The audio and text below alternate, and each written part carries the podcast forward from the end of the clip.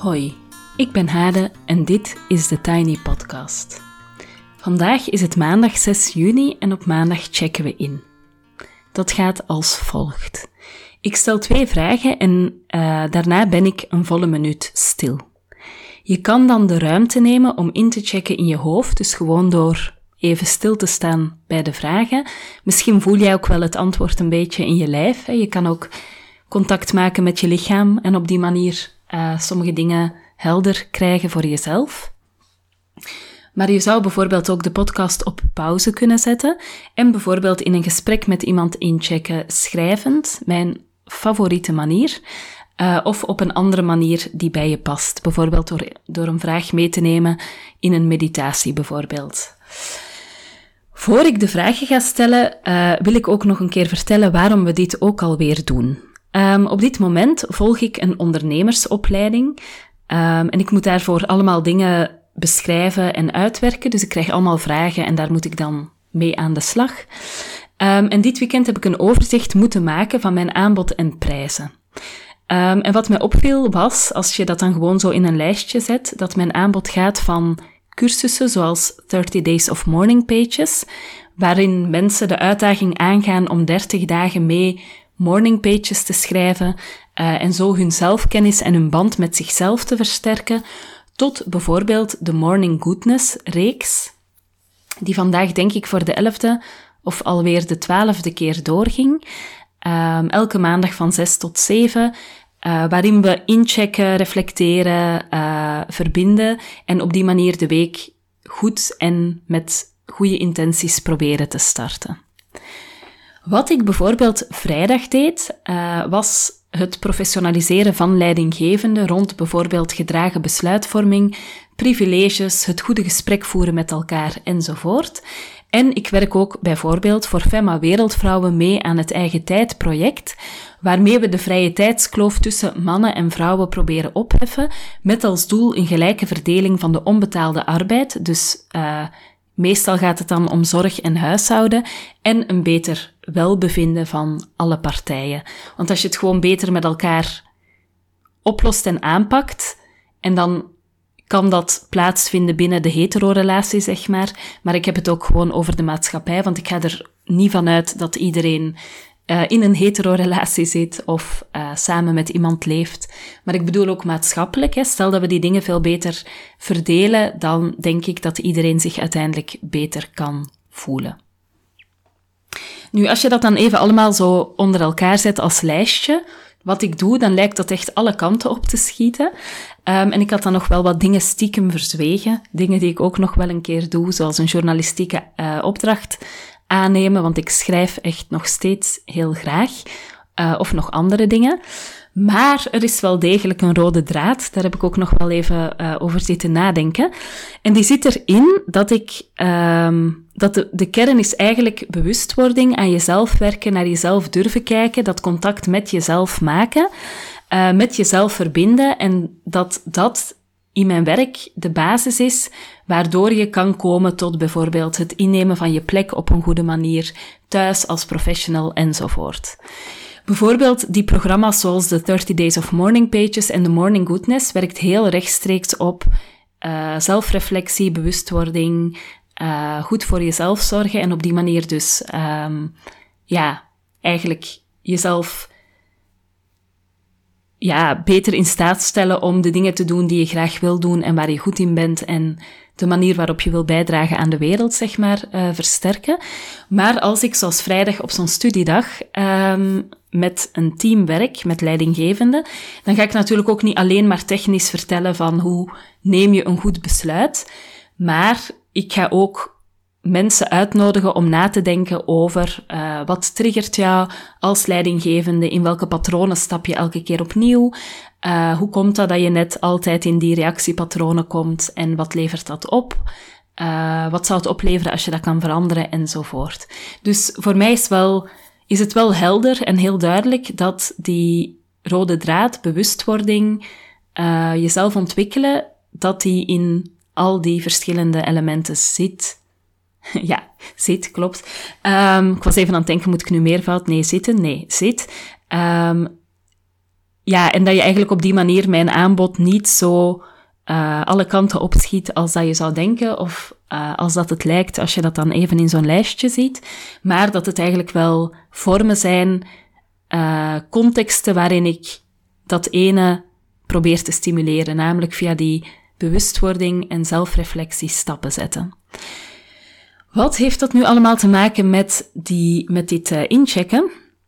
Eigenlijk is het een wekelijkse uitnodiging van mij aan jou om mee die beweging naar binnen te maken. En vooral als jouw leven vraagt dat je heel veel naar buiten gericht bent, bijvoorbeeld in het zorgen voor anderen, het leiding geven, het opvoeden, uh, je werk als professional. Vooral dan kan het heel waardevol en heel belangrijk en heel goed zijn om die beweging naar binnen met enige regelmaat uh, te maken.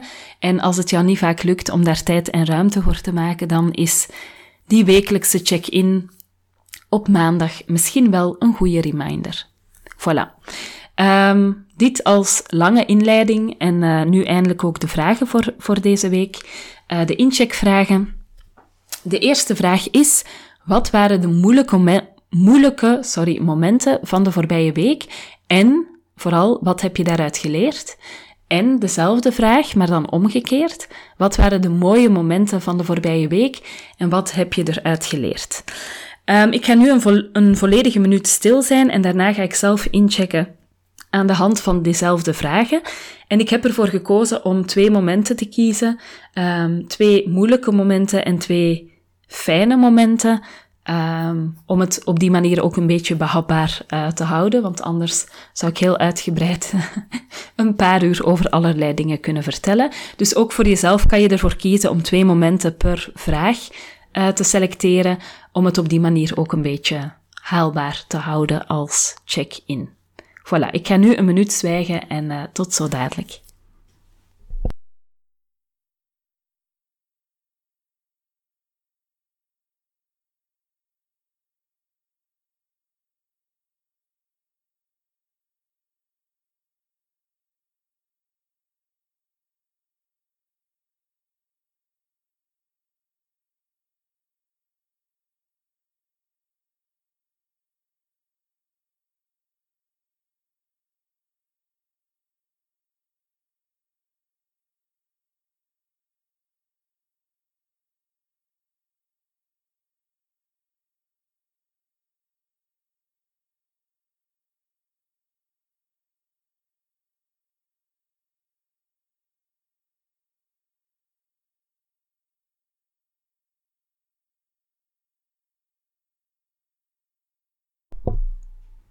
Voilà, daar ben ik weer. Um, ik ga beginnen met dus de twee moeilijke momenten. Natuurlijk, uh, die vragen zitten sowieso in die volgorde. Waarom? Omdat het fijner is om te eindigen met de leuke momenten. Uh, een moeilijk moment van de voorbije week was voor mij uh, zaterdag. Ik was best moe na een drukke week. Um, de week was niet alleen druk, maar er waren ook wat spannende dingen. Um, en ik heb echt, echt ook als introvert persoon tijd nodig om op adem te komen.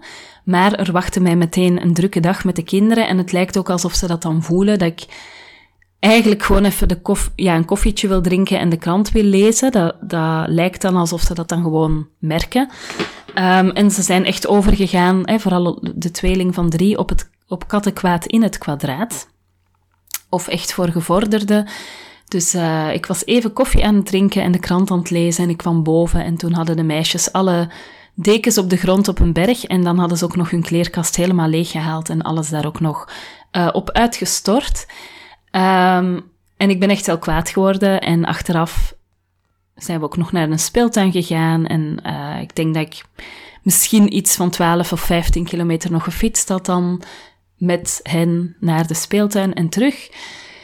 En ik ben echt bij thuiskomen, ik was zo op, zo moe dat ik ben beginnen huilen, omdat ik er echt doorheen zat. Um, ja, het leerpunt dat ik daaruit haal is dat ik echt rustmomenten nodig heb. Alleen vind ik het heel complex om te weten hoe je dat dan um, voor jezelf kan inbouwen als je jonge kinderen hebt.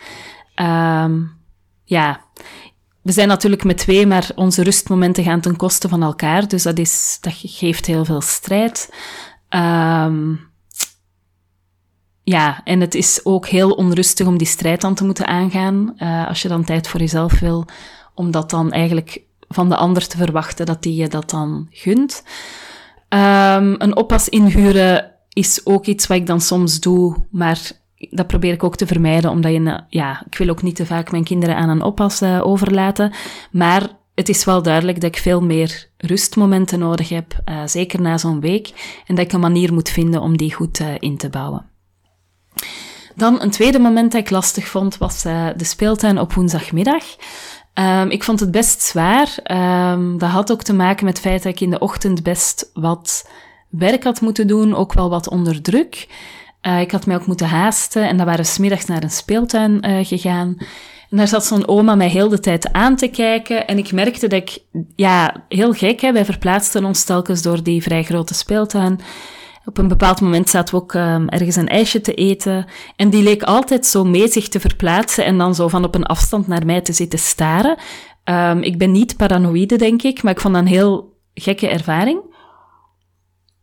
En ik merkte dat ik ook wel wat uh, gefixeerd geraakte en in mijn hoofd ook eigenlijk een hele verdediging of een heel gesprek met die vrouw kreeg. Dus ik had dan het idee dat zij dacht dat ik niet genoeg genoot van de tijd met de kinderen en dat dat dan de mooiste tijd van mijn leven is en dat ik daar dan een beetje afgepeigerd en gestrest uh, bij zat en dat ik misschien ook niet genoeg geduld had als mijn kinderen, momenten dat mijn kinderen dan, uh, weet ik veel, een enorme knoeiboel maakten van het eten van een ijsje.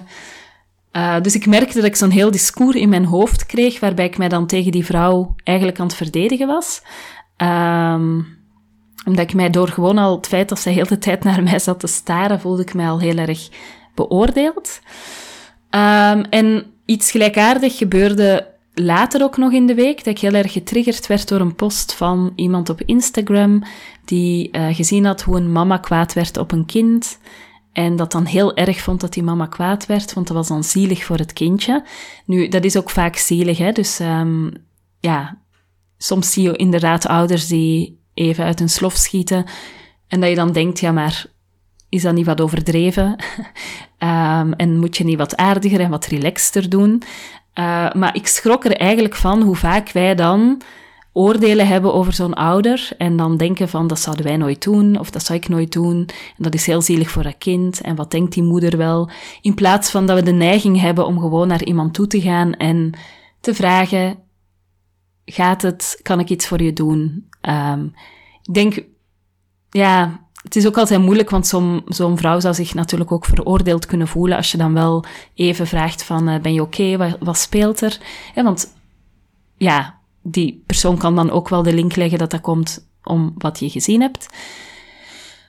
Maar ik zou zo graag in een samenleving leven waarin we zo de ruimte zouden houden voor wat is er bij jou aan de hand, wat speelt er, wat is het wat ik niet kan zien, um, wat speelt er op de achtergrond bij jou waardoor het op dit moment, waardoor je het even moeilijk of pittig hebt en je niet kan genieten of boos bent of whatever. Het zou zo fijn zijn als we veel meer uh, bereid zouden zijn, denk ik, om te beseffen dat iedereen door dingen heen gaat die wij niet kunnen zien of weten. En dat het veel beter is om niet te oordelen, maar wel te proberen contact maken en te kijken van, kan ik iets voor jou betekenen in wat er ook op dit moment in jouw leven uh, aan de hand is. Dus ik merk dat ik daar heel veel gevoeligheid voor had uh, deze week.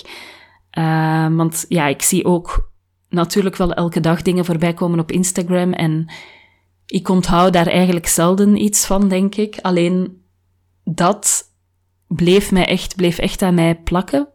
En dat betekent dat het ook een thema is dat natuurlijk ook in mijn leven speelt en um, ja, dat mij toch wel tot denken heeft gezet. Dan uh, tijd om te kantelen naar de mooie momenten en ook daar heb ik er twee van. Uh, woensdagochtend hadden we de eerste Ride Along um, van 6 tot 7 uh, met de mensen die meedoen aan 30 Days of Morning Pages en die ervoor kiezen om samen te schrijven op woensdag en vrijdagochtend.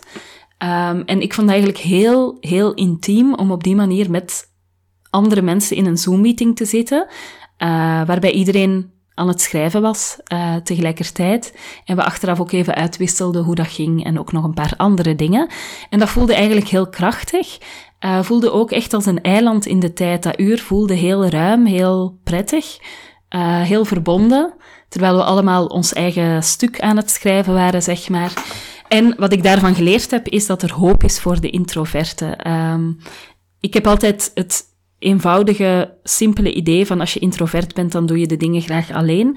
Maar ook dingen om alleen te doen, kan je dus blijkbaar samen met anderen doen op een manier die heel fijn en heel krachtig uh, voelt. En dan, uh, last but not least, ik heb vrijdag dus een dag gewerkt met een groep. Um, het was een heel pittige aanloop, wat aan mij ook wat spanning gaf. Um, en dat had te maken met het feit dat het heel last minute was um, besproken. En dan heb je natuurlijk ook die gekke dagen met hemelvaart, waar er dan een halve werkweek ook wegvalt. Dus in die zin was de aanloop wel wat pittig. Um, maar ik kwam daartoe, ik parkeerde en meteen op de parking kreeg ik al zo'n relaxte verwelkoming. Um, dat ik meteen voelde van oké, dit zit goed, dit wordt een goede dag, ik ben heel welkom. Ik voelde mij echt meteen heel welkom en ik voelde ook dat iedereen heel ontspannen was, of niet iedereen misschien, maar dat de sfeer ontspannen was. Het was een heel mooie plek, het was prachtig weer, het was een fijne groep. Ik denk dat we echt stappen hebben gezet ook met elkaar. Um, ik heb het gevoel dat ik ook echt heel veel contact heb ervaren met mensen uit de groep.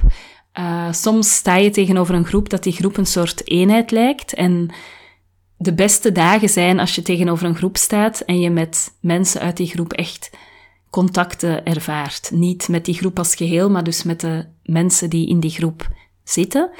Um, en ik heb ook een paar mooie complimenten gekregen. Uh, bijvoorbeeld één iemand zei, ik heb mijn telefoon uitgezet, dat doe ik nooit. Maar ik wil ook wel echt alles horen um, wat, we, of wat dat je zegt of wat dat we aan het doen zijn. Ik, ik ben echt geïnteresseerd. Iemand anders zei dat hij uh, heel geïnspireerd was door de dag. En ja, sowieso vind ik het natuurlijk waanzinnig leuk om, om zo'n compliment uh, te krijgen.